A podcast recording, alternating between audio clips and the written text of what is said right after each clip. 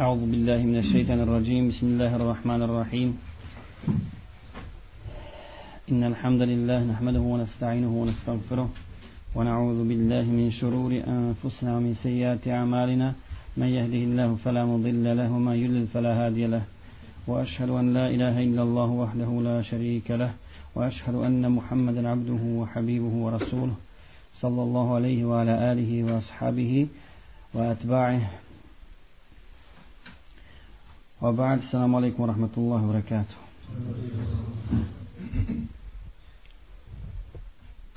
Draga braća i cijenje sestre, mi smo najavili večeras ovo naše predavanje, pa razmišljajući o tome šta da uzmem, o čemu večeras da govorimo, s čime da obradujemo naše duše iz bogatih riznica Kur'ana i sunneta Rasula sallallahu alaihi wa sallam, E, ja sam uzeo da govorim o jednom ibadetu koji je, meni se čini, kod muslimana puno zapostavljen. Nije, ne radi se o fardu, dakle o nekoj strogoj naredbi od strane Allaha Đalešanuhu, već o jednom sunnetu, sunnetu koja mi je kako potreban i važan.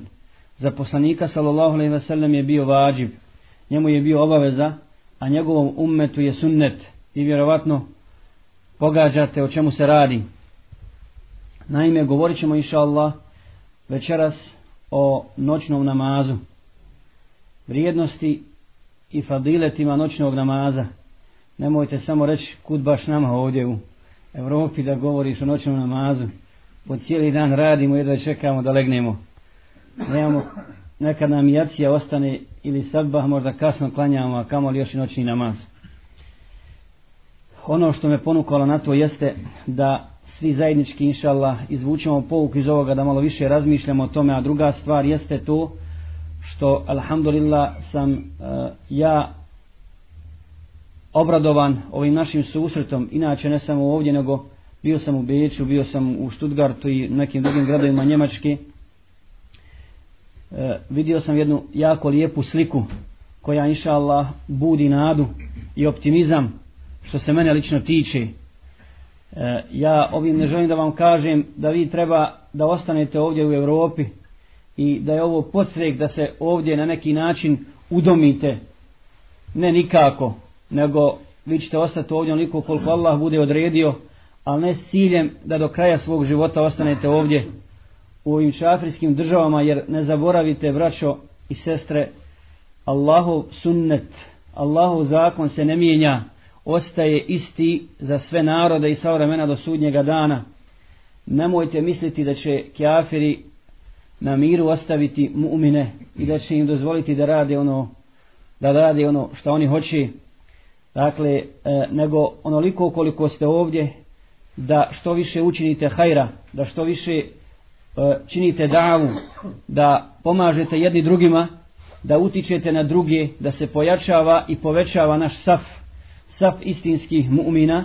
I zbog onoga što sam ja vidio, dakle, ja sam oduševljen, alhamdulillah, sve više, dakle, mladih ljudi, a i stari svakako, ali mladost je kičma jednog naroda, mladost na čim licima je nur imana i tragovi od seđde, i to je ono što me je zaista obradovalo i da ne bismo uvijek, jer mi kad govorimo o ibadetu Selefa, kad govorimo o ibadetu prvih generacija, e, znamo šta ćemo kazati. Ima, koga god uzmemo, da li ashabe, da li tabiine ili tabite, bilo koju generaciju, kad govorimo o njihovom ibadetu, srce nam se raznježi.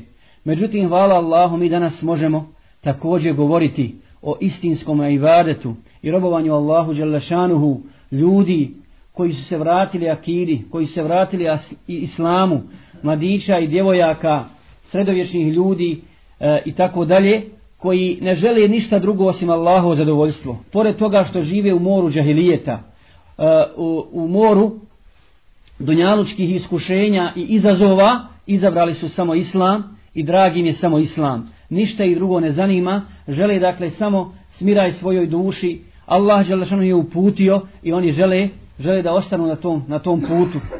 Dakle, ta omla, o toj omladini vrijedi govoriti i zato bi spomenuo, spomenuo hadis na početku Resula sallallahu alaihi wasallam, kojeg bilježi prenosi je Hureyre, da je Rasul wasallam sa svojima sahabima jednog dana izišao na groblje. Naišli su pored groblja i on je proučio poznatu dobu, obrativši se, dakle, poselamivši mrtve muslimane, dova koju mi svi znamo ili treba da znamo, a zatim je rekao svojim ashabima, nadam se, nadam se da će se sresti sa svojom braćom. Pa kažu ashabi, ja Rasulallah, zar mi nismo tvoja braća?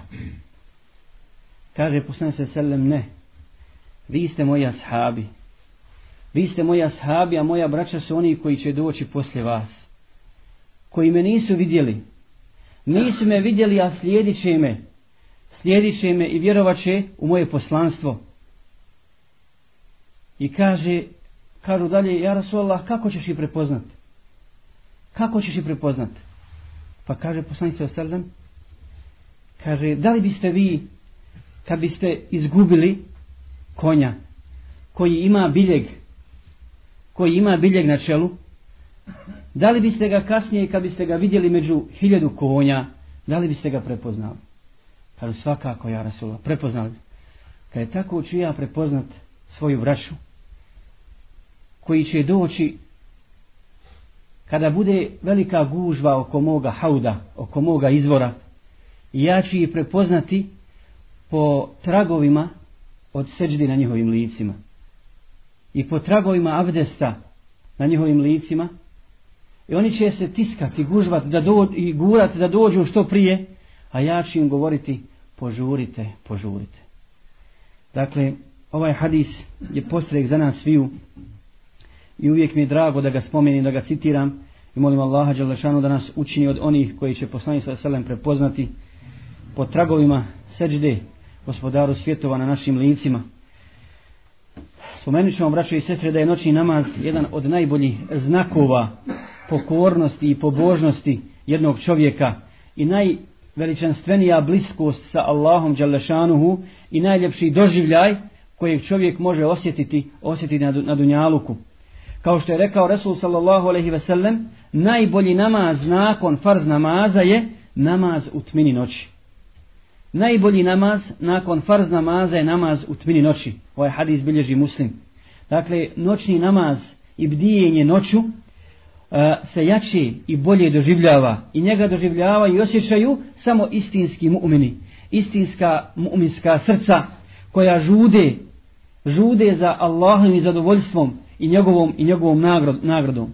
I ovaj govor prije svega ja upućujem sebi zbog toga što sebe smatram prečim od vas za doživljenom seđdom u zadnjoj trećini noći i dove gospodaru svjetova i želje za oprostom i džennetskim ljepotama i mirisima koji se posebno osjećaju osjećaju u zadnjoj trećini noći dok čovjek, vjernik spušta svoje čelo skrušeno i ponizno pred gospodarom svjetova i dok se naslađuje u molitvi, odnosno dovi Allahu Đalešanuhu.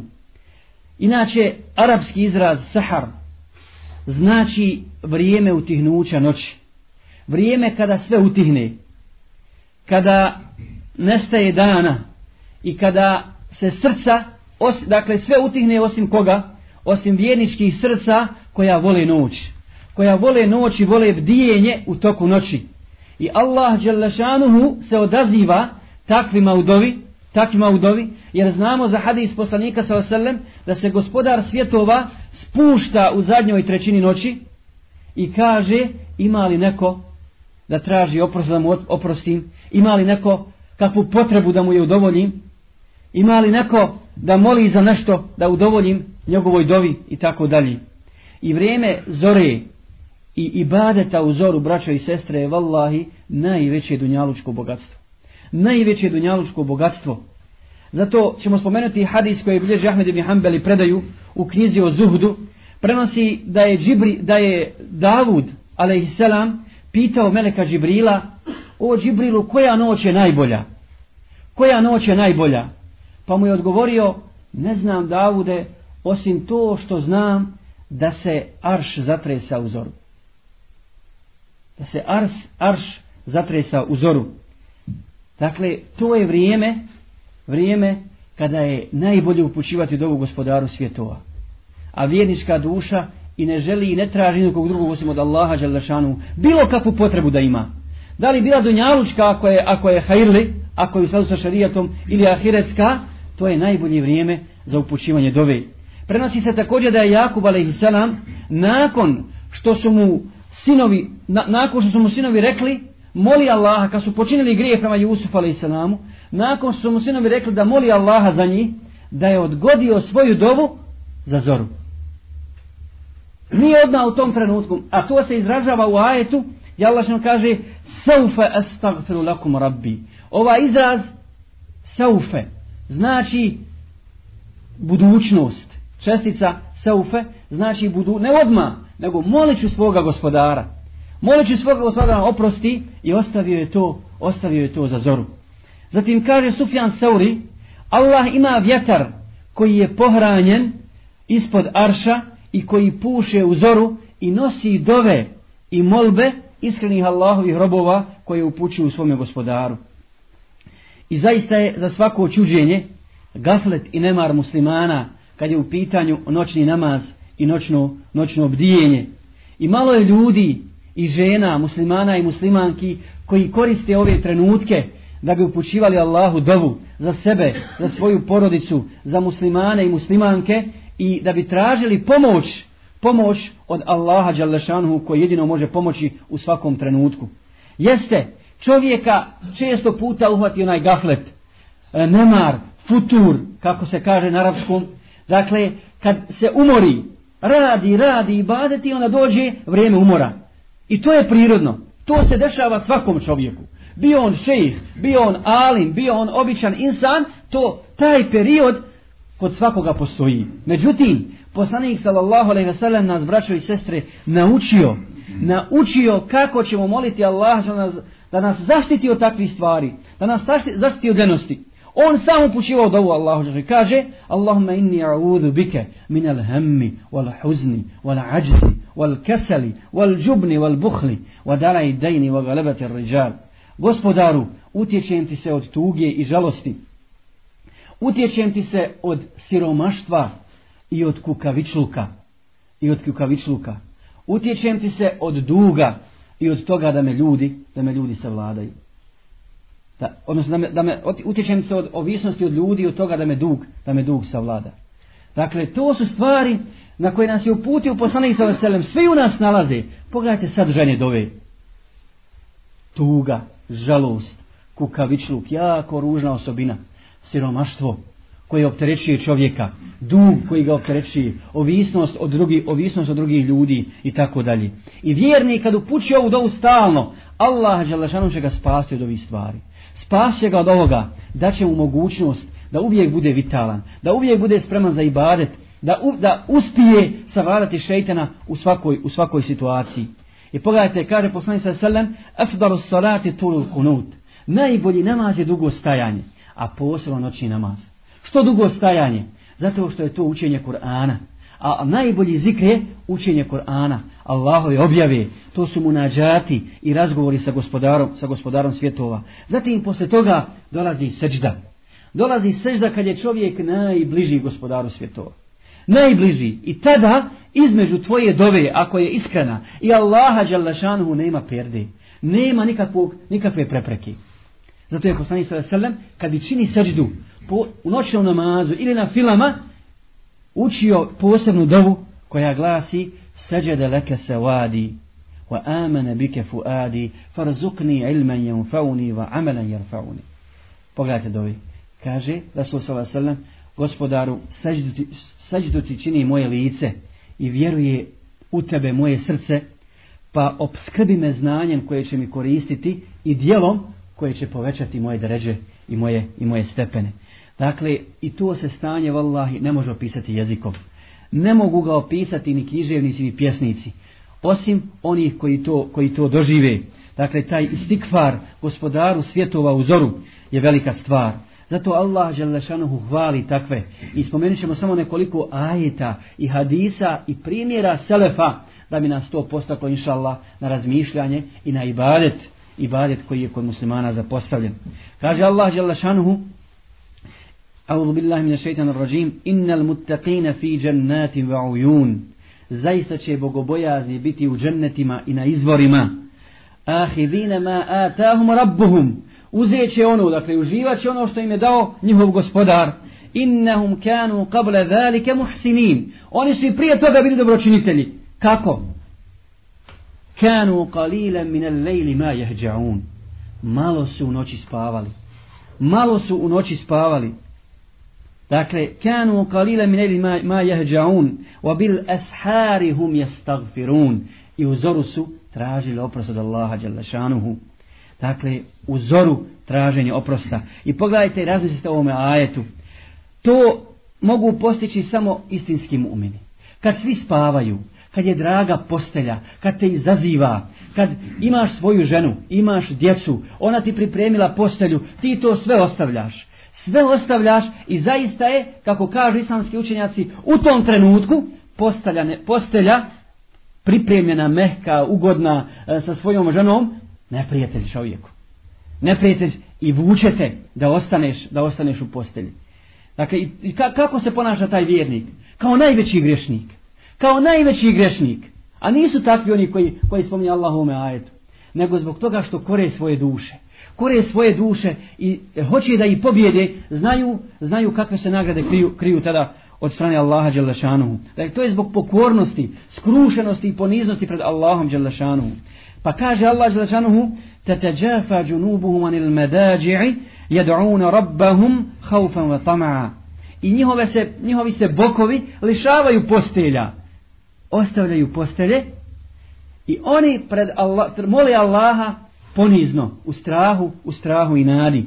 Wa mimma razaknahum um, jazaan bima kan tako Allah što dalje kaže فلا تعلم نفس ما أخفي لهم من كرة عين جزاء بما كانوا يعملون i niko ne zna kakve i nagrade tajne čekaju kod Allaha dželešanuhu zbog onoga zbog onoga što su radili i kao što kaže Abdullah ibn Abbas Stvar je takva kad je mi objašnjavamo. Ali je mi ni blizu ne možemo objasniti njenu suštinu. Dakle, suštinu dove u zoru, suštinu noćnog namaza mi ne možemo dokučiti. I pogledajte kakve nagrade Allah obećao tajne za koje duša ne zna za one koji tada budu, tada budu bdjeli. Zato kaže Abu Bakr al-Ayyash, kada čuo sam Abu Ishaka al-Sab'ijina, da je rekao, otišao je moj namaz otišao je moj namaz od mene, oslabilo mi je tijelo i kosti su mi oronule, sad kijamu lejl, noćni namaz, klanjam samo sa suratul Bekara i Ali Imran. Dakle, ne ima od mog namaza ništa. Samo sa dvije sure, odnosno sa četiri džuza, klanja Kijamul lejl. Dakle, zbog, zbog slabosti, zbog starosti, dakle, Ten non stop je bio Allahu Đelešanu u dovi i koliko je, dok je bio zdrav, koliko je Kur'ana učio u toku noćnog namaza. Zbog čega to vraćao? Zbog toga što ljudska duša, vallahi, teži visinama. Teži visinama. Malo prije, brat reče, e, kad se čovjek vozi avionom, pa kad se digne iznad oblaka, vidi gore plavetnilo, čistoća, ljepota, prostranstvo i zatim teži duša. A samo kad se ukaže zemlja dole, vidi tminu dole, prašina, prljavo. I odmah ti se, odmah ti se smuči na to, na to prizemljivanje, prizemljivanje. Jedan, kako kažemo, Kajim, jedan od, jedna od mudrosti zašto je Allah spustio Adema i Havu i njihovo potomstvo na zemlju iz dženneta koji su živali, jeste i to. Jeste i to. Da čovjek svati kolika je vrijednost dženneta. da je Adem i njegovo potomstvo ostali u džennetu, ne bi nikad dokučili njegovu istinsku vrijednost. Nego na zemlji gdje su iskušenja, te gobe, prepreke, bolest, tuga, žalost, napor i tako dalje, poželi mu'minska duša da se što prije vrati u džennet. Da se što prije vrati u kuću blagostanja iz koje je, iz koje Allah Želešanu izvao našeg pravca Adema i majku Havu. Jer život duše je dakle kako kažemo kajim u visinama. I što je više što je, što je više uzvišena što više leti u visinama sve joj je draže sve se ljepše osjeća. A što se više spušta ka zemlji, sve joj je teže i tegobniji i tegobniji je život. Tako da jedna žena koja se zove Ummu Sa'id prenosi vezano za Davuda et Taija, Ebu Davuda et Taija, vi ste čuli za tog pobožnjaka, kaj naša kuća i njegova bila je, bila je razdvojena samo jednim malim zidom. I kaj vallahi ja sam svaku noć slušala kako on grca u suzama učeći Kur'an i klanjajući noćni namaz. I kad toliko sam osjećala, ja nisam tada klanjala kao on. Dok je on učio Kur'an, osjećala sam da, da mu je to najveći užitak. Da nema većeg užitka i radosti, da nema niko srećniji na Dunjaluku, na Dunjaluku od njega. A Sufjan Sevri je čak prislanjao noge uza zid. Dakle, dizao noge gore uza zid, a glavu dolje, da bi mu se krv slila malo u glavu zbog dužine stajanja na noćnom namazu. A mi kad dođemo s baušteva, dignemo noge malo gore da nas slije, slije krv malo u glavu. Kaže Sufjan Sevrike, kako da ne bi, kako da ne volim noć, kad se u noći spušta naš gospodar na zemaljsko nebo i kako da ne čeznem za razgovorom sa našim, sa našim gospodarom. Kad ja volim noć, a mrzim kad se, mrzim kad se svane zbog ljepote i užitka u toku noćnog namaza. A Ebu Suleiman Ed-Darimi, isto jedan od poznatih učenjaka i pobožnjaka, kaže, bio sam jedno večer na seđdi, na seđdi i zaspao sam. I došla mi je Hurija i dodirivala me svojom nogom i rekla je, o voljeni, zaspao si, a gospodar svjetova ne spava. Gospodar svjetova ne spava i gleda u svoje robove koji mu i vadete u zadnjoj trećini noći. Kaže, teško onome, govori mu i dalje, teško onome koje je dao prednost spavanju, spavanju očiju nad slašću razgovora sa svojim gospodarom.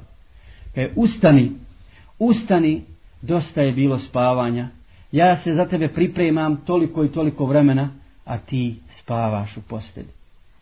I kad je probudio sam se i tako mi Allaha, osjećao sam slast onog i užitak onog mjesta na kojem je stajala, kao da je, kao da je i sad tu. Dakle, Allah Đelešanu još na Dunjaluku počasti neke ljude zbog njihovog ibadeta, zbog njihove bliskosti sa Allahom Đelešanu da osjete te užitke, makar, makar u snu. A kaže Ataje Sulemi, rekao sam Maliku bi dinaru, postakni nas malo, probudi naše duše. Zamrle su, gaflet nas je uhvatio, pa kaže, o čovječe, zaista u džennetu postoje hurije, s čijom ljepotom će se ponositi džennetlije, kada uđu u džennet. I da Allah Đalešanuhu nije propisao džennetlijima da neće umrijeti. Dakle, da Allah nije odredio vječnost u džennetu, umrli bi od njihove ljepote. Umrli bi, umrli bi ljudi od njihove ljepote. A jezid al-Uqaš kaže, obaviješteni smo da je svjetlo zasjalo u džennetu. Da je svjetlo zasjalo u džennetu i nije ostalo mjesta u džennetu da nije obasjano. Dakle, jedan učenjak je pričao ljudima okupljenim od, o hurijama, o džernetskim ljepotama i kaže, nije ostalo mjesta ni čoška u džennetu da nije obasjano tim svjetlom. Pa je, pa, pa je upitano, zbog čega, odakle je to svjetlo? I dobili smo odgovor, dobili smo odgovor, to je osmijeh hurije u lice svoga muža. I kad čovjek je bio na kraju mesčida i počeo je da grca, da se trese i plače, i mi smo mu prišli, želi smo da mu pomognemo, međutim on je u tim suzama umro. Umro kad je čuo, kad je čuo predaju o džennetskim, o džennetskim hurijama i džennetskim užicima. Dakle, nema ništa ljepše ni slađe od suza u namazu u toku noći. I vallahi, braćo i sestre, ako srce nije zadovoljno sa gospodarom svjetova i ako od njega neće tražiti tada, pa od koga će tražiti i s kim će i, s kim će i kada biti zadovoljno. Pričao jedan mladić, spomenišemo, dakle, to je bilo vezano za Selef i njihov doživljaj namaza, noćnog namaza. Mi ćemo se malo prebaciti u našu stvarnost. Jedan mladić pričao s fakulteta, studirač, studirao čovjek, dok je bio džahil, kaže, studirao sam na fakultetu i koristio sam sve vrste droga, koristio sam alkohol i stalno sam se time bavio i kada bi dođi ispit, prije ispita bi se dobro, dobro bi uzmi droge i to mi je bio jedini oslonac, oslonac na ispitu. Živio sam jako teškim životom, međutim nisam znao za bolje. Pa sam jedan put sreo svog druga s fakulteta, ja sam imao auto, a on nije. I kad je rekao, rekao mi je kad bi me mogao odbaciti kući. Pa sam učinio to. Kad sam se vraćao od njega, našao sam kasetu. Da li je to namjerno on ostavio kod mene ili nije, ne znam. Ali kad sam poslušao, kad je vidio sam, skontao sam da je to bila njegova namjera. Stavio sam kasetu u kasetofon i slušao. Bila je kaseta o akidi, o islamu, o Allahu Đalešanuhu, o gospodaru svjetova, o prolaznosti Dunjaluka, o susretu sa Allahom. Sav sam se kaj najezio. Uhvatio me je strah. Posle toga kad sam došao kući, dugo sam plakao.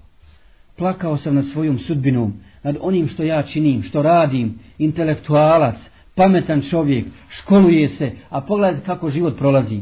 Život sam potrošio i svoju mladost, odavajući se i podavajući strastima, najnižim mogućim strastima, posle čega sam doživljavao velike, velike duhovne, odnosno psihičke stresove.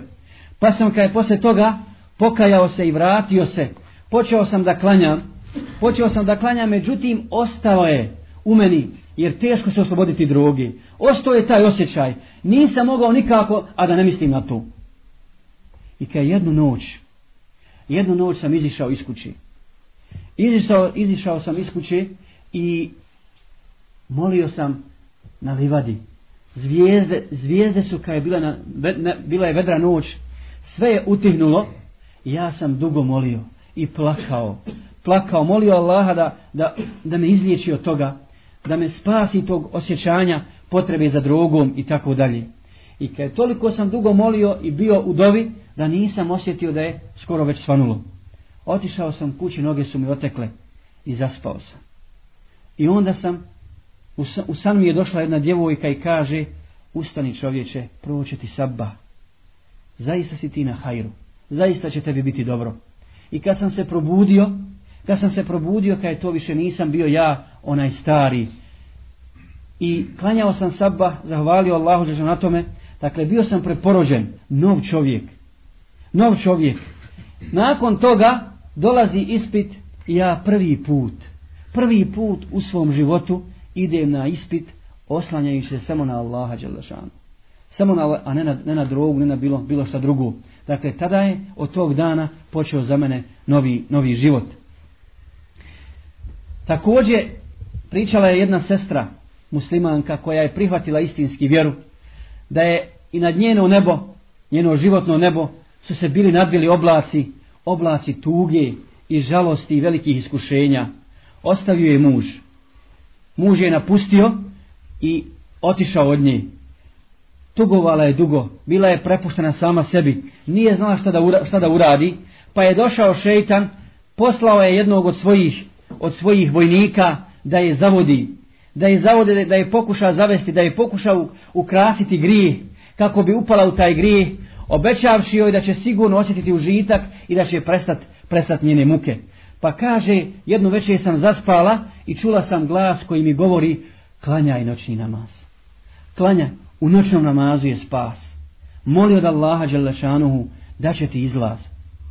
I ustala sam, abdestila i molila Allaha Đelešanu, plakala sam, plakala sam u dovi i nakon toga nestalo je te, te gobe iz mojih prsa i nikada me više nije naumpalo ono na što me, na što me šeitan nagovarao. Dakle, to je potreba ljudske duše, da se približi gospodaru svjetova, da osjeti zadovoljstvo, da traži od Allaha Đelešanu ono što je treba, jer gospodar svjetova će sigurno dati. Wallahi, čovjek, vjernik to može osjetiti.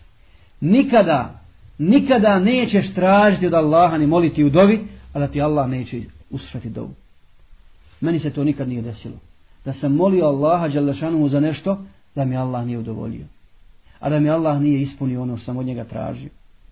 Dakle, iskreno srce, kad moli Allaha Đalešanuhu za oprost grijeha, jer Allah voli one koji ga moli.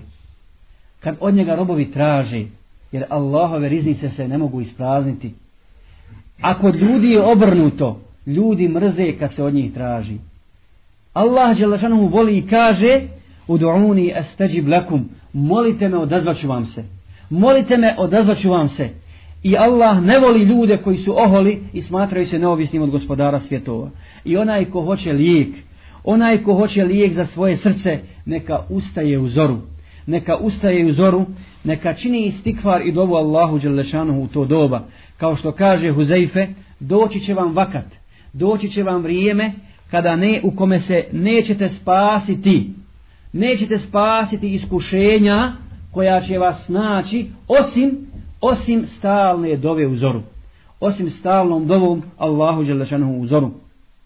A Hejsem ibn Džemmas prenosi da je pogledajte ovog slučaja posebno važi za, za sestre kaže imao sam ženu koja je svaku noć klanjala noćni namaz i budila imene Međutim, kad ja nisam mogao izdržati na kijamu sa njom, pa bi kad je ostani dole, neka, ona klanja na filu, ja ostanem dole i zaspim. Ne mogu. Ona bi me polivala vodom kada bi ja zaspi i govori bi, boj se Allaha Đalešanuhu, kad će već prestati to tvoje hrkanje, zar se ne stidiš Allaha Đelešanu? ja se vallahi stidim toga što ti radiš. I svaku je noć tako, tako radila i posticala posticala mene na ibadet. Dakle, čovjek se hvali sa svojom ženom zbog toga što, je, što mu je učinila veliko dobro, što je u njoj vidio veliki hajr. Wallahi, pogledajte ovog primjera žene, istinske uminke, da su naše žene ovakve i da su danas muslimanske, muslimanke takve, pretekla bi muškarce na svim mogućim poljima. Pretekla bi muškarce na svim mogućim poljima. Zato kaže poslanik sallallahu alejhi ve sellem neka se Allah smiluje muškarcu koji ustane noćni namaz pa probudi svoju ženu a ona lijena mrsko joj ustad šeitan je zavara pa je on polije vodom i zajedno klanjaju noćni namaz i neka se Allah smiluje ženi koja ustane noćni namaz pa klanja i probudi svoga muža ali on njemu se još spava pa ga polije vodom i ustanu i zajedno, zajedno klanjaju noćni namaz spominjali smo također slučaj Aisha radijallahu ta'ala koja je tražila koja je tražila poslanika sallallahu alejhi ve sellem u postelji i misleći misleći da je otišao jednom drugoj drugoj svojoj ženi međutim našla ga je na sećdi plače plače i upući Allahu dželle šanehu dovu i Aisha tada govori wallahi oca i majku bi za tebe dala. Ja sam razmišljala o, ne, o jednoj stvari a ti se posvetio nečem sasvim trećim dakle ona misli o dunjaluškim stvarima. Ljubomora ženska je uzela a poslanik sallallahu alejhi ve sellem nad udovi moli za sebe i za svoj i za svoj ummet. Tako prenosi ashab Abu Zinad i kaže izlazi, izlazio sam vallahi u mesdžid poslanika sallallahu alejhi ve sellem noću i nisam nikad prošao pored njegovog mesdžida a da nisam čuo učenje Kur'ana zikr zikr i dovu. A danas šta se danas baš dešava? Kad prođemo mi u ta doba ili kad pođemo u mesdžid bilo gdje ne govorim samo ovdje kod na, nego u muslimanskim mjestima, čućeš samo zvuke, muzike, šeitanske iz kafana, vidjet ćeš ljude koji se gegaju ulicama, teško idu, ne mogu da dođu do kućnih vrata, pijani, pijani, izgubljeni potpuno, potpuno izgubljeni. Dakle, naša omladina, naši muslimani su se predali sami u ralje šeitanu, u našim neprijateljima koji od nas rade, rade što hoće rade što hoće, dakle mi smo sami krivi zbog našeg stanja. Gdje su oni koji će svojim dušama priuštiti taj užitak noćnog namaza i seđde Allahu Đelešanu u toj, u, toj, u toj noći? Čak se prenosi jedan slučaj da jedan čovjek kad je vidio pjesnika, pjesnika koji nije pijan, koji citira u zadnjoj trećini noći, volio, bojem bio pjesnik, volio stihove, citira pjesme kada je udario ga i odmah ga je oborio na zemlju, kada je boj se Allaha, umjesto dove, umjesto istikfara, ti citiraš stihove u zadnjoj trećini noći kad se Allah Đelešanu spušta na zemaljsku, na zemaljsku nebo i traži, pita ima li neko da moli za oprost da mu Allah Đelešanu oprosti, kao da nemaš potrebe za oprostom.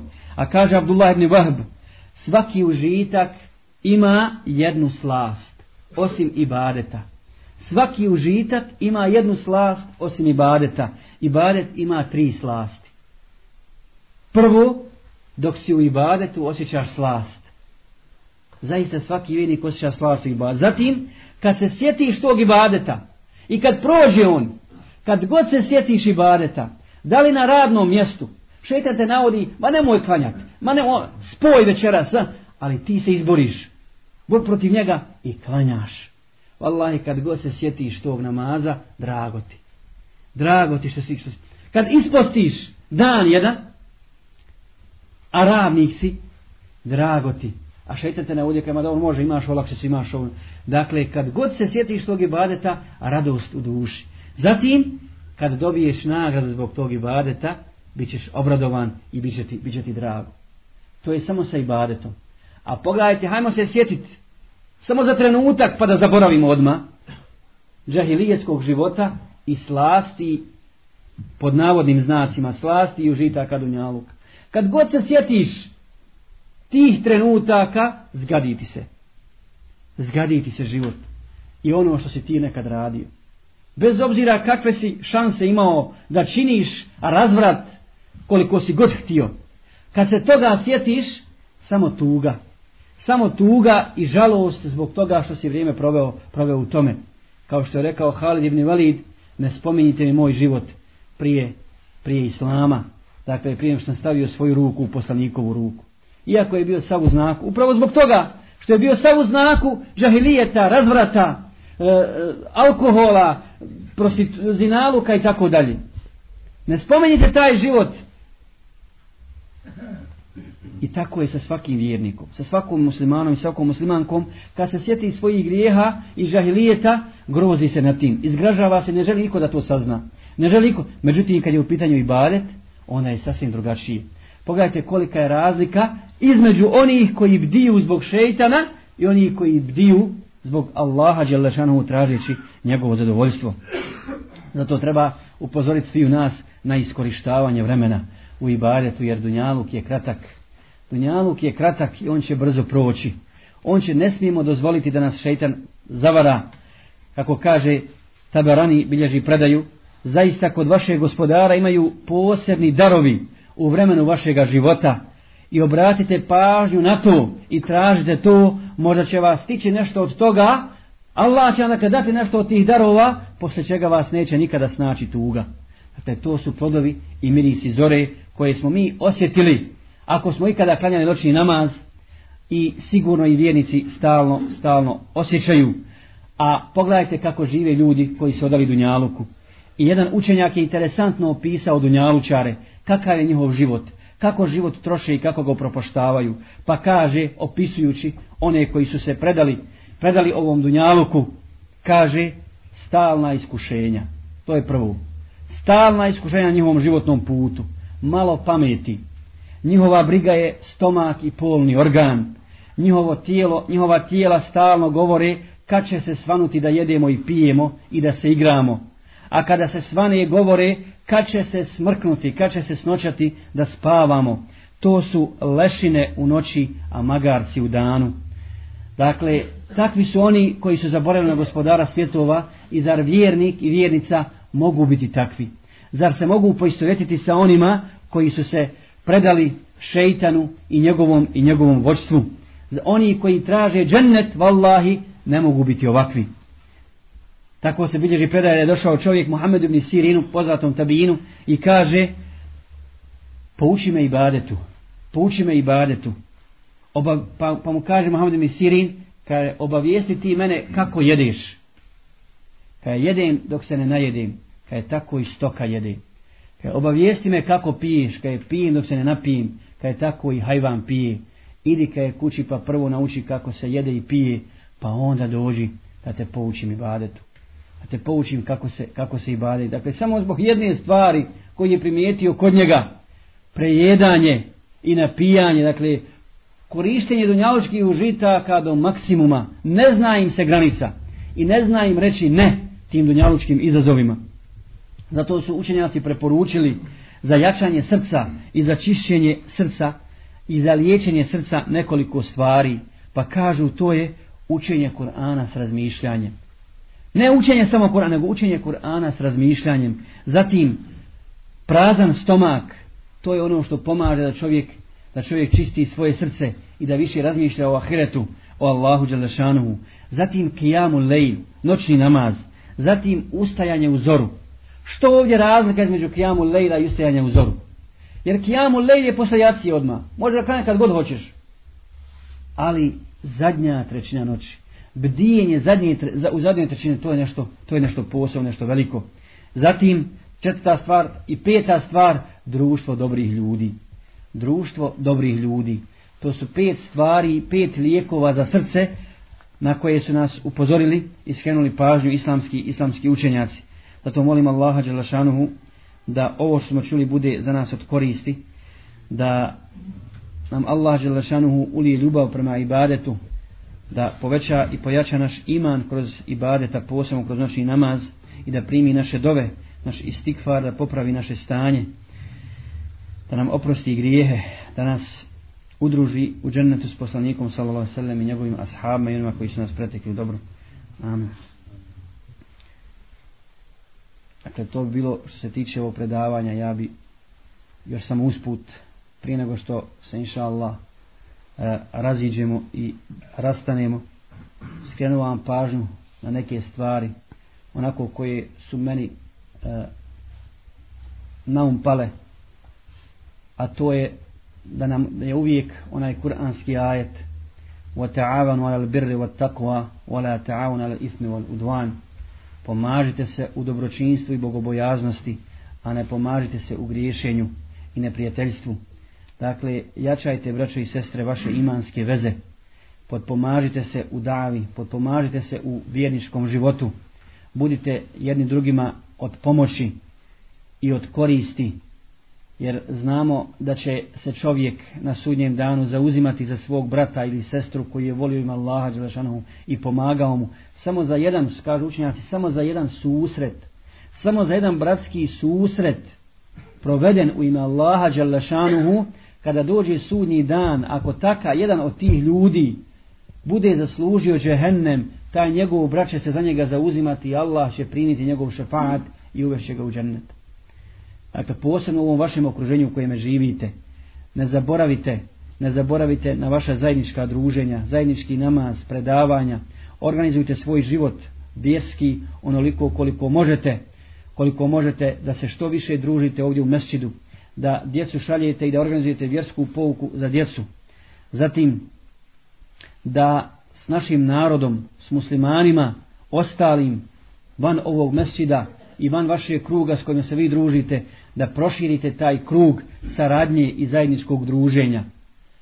Ne smijete dozvoliti da se udaljite od naših ljudi. Ne smijete dozvoliti da, da, da vam šeitan ubaci sjeme, sjeme razdora i smutnje, bez obzira, bez obzira vallahi koliko to neko želio, koliko neko tražio to, vi morate biti oni koji će graditi mostove među muslimanima, a ne rušiti, a ne rušiti. I ne smijete se zadovoljiti s tom situacijom, sa statusom quo. Ovi imaju svoj džemat, mi imamo svoj džemat i šta nas briga. Mi smo jedan džemat, mi smo jedan džemat. Muslimani su jedan džemat i moraju biti jedan džemat moramo biti samilosjedni prema drugima, moramo opraštati jedni drugima, prelaziti preko uvreda, družiti se i pomagati i praktično pokazati na djelu šta je to islam. Šta je to? Jer mi nismo, mi mislimo da ćemo ući u džennet tek tako. Lahko je se odvojiti od ljudi. Treba proći iskušenja. Zato se vratimo na siru poslanika sallallahu alejhi ve sellem. Vratimo se na siru poslanika sallallahu alejhi ve sellem. Kroz šta je on prošao? Kakva iskušenja on doživio? Ali nije poklekao. Nije. I onda kad ga je Meka odbacila, i kada mu je, i kada mu je Ebu Leheb, lanetullahi alejhi rekao, tebben leke, eli hada džema'atena, proklet ti bio ostatak dana, zašto si nas, zar si nas zbog ovoga skupio? Kaže Abdullah ibn Zubair, nakon što je poslanik sallallahu alejhi ve pobjedio kad je des, nakon 10 godina došao na safu mi smo o tome govorili pobjedonosno ušao me kad je tako mi Allaha niko neće biti ponižavan zbog Allahove vjere na ovakav način kako je poslanik sallallahu bio ponižavan a da ga Allah neće uzvisiti i pomoći a da ga Allah neće uzvisti pomoć. Čitajte siru, ali s razumijevanjem. Tu su velike pouke za nas. Pa kad su ga, kad je posle toga poslanik sa selam šta radi? Odlazi u Taif, nadajući se, nadajući se da će dobiti, da će dobiti podršku od svojih rođaka u Taifu. I mi smo se uvijek nadali i mislili da će prvo naši rođaci podržati. Zašto? Mi, mi smo svakako muslimani, ali da će ostaviti neke džahilijetske stvari, da će se vratiti iz Koranu i Sunetu. Ne! Ne! I kad, I kad te napadaju, i kad te klevetaju i ogovaraju, nemoj ti uzračati na takav način. Biva poslanik sa sve ismijan, čak su mu rekli, zar Allah nije imao nikog drugog da pošli osim tebe kao poslanika. I natjerali su djecu i žene i najveće ludake da ga kamenuju i da ga gađaju, krvav se vratio iz Taifa. Krvav se vrati, ali šta kaže? Šta kaže? Gospodaru, ovo za mene ne predstavlja ništa. Meni je dobro samo ako si ti sa mnom zadovoljan. Samo ako si ti sa mnom zadovoljan, ova krv, ništa, ova iskušenja, ništa, napad na mene, pa nakon toga, psihološki rat. Nije samo napad fizički, psihološki rat, šta? Sihirbaz, epileptičar, padavičar, pjesnik, ova, nema kako ga nisu izrugivali. Je li posustao? Nije. Napušta Meku. Napušta Meku kada? Noću. Skriva se, ali se vraća u danu pobjedonosno, ponosno. Vraća se u Meku i osvaja Meku nakon izvjesnog vremena. Allah mu daje ponos. Nikad vjernik neće biti ponižen na Allahom putom mu Allah da ponos.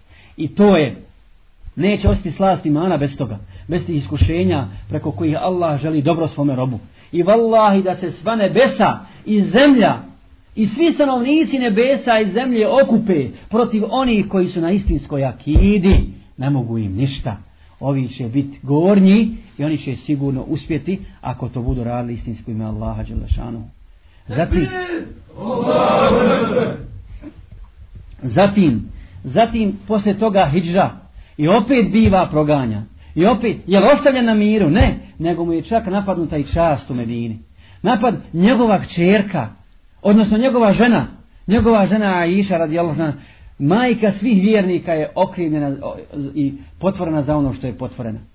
Nije ostavljena na miru poslanih sallallahu alejhi ve sellem. Nisu prestala iskušenja i nisu prestala iskušenja njegova do smrti. Do smrti onoga dana kada, je, kada mu je njegova čerka Fatima rekla o muke moga oca, kada je poslanik rekao prije nego što je ispustio svoju plemenitu dušu, od danas više nema muka za tvoga oca. A dotle, dok je duša u nama, mi se moramo boriti i raditi da Allahova jež bude gornja. A ko nam je preči da radimo s njim osim naša braća muslimani? a također i ostalo okruženje čafirsko. O, dužni smo ih pozivati, ako ničim drugim, barem našim dijelom, našim lijepim postupkom, ne bili se zainteresovali za ono što je kod nas u našim prsima, za akidu koju mi nosimo i zbog koje ćemo biti pitani, a također, a također i oni.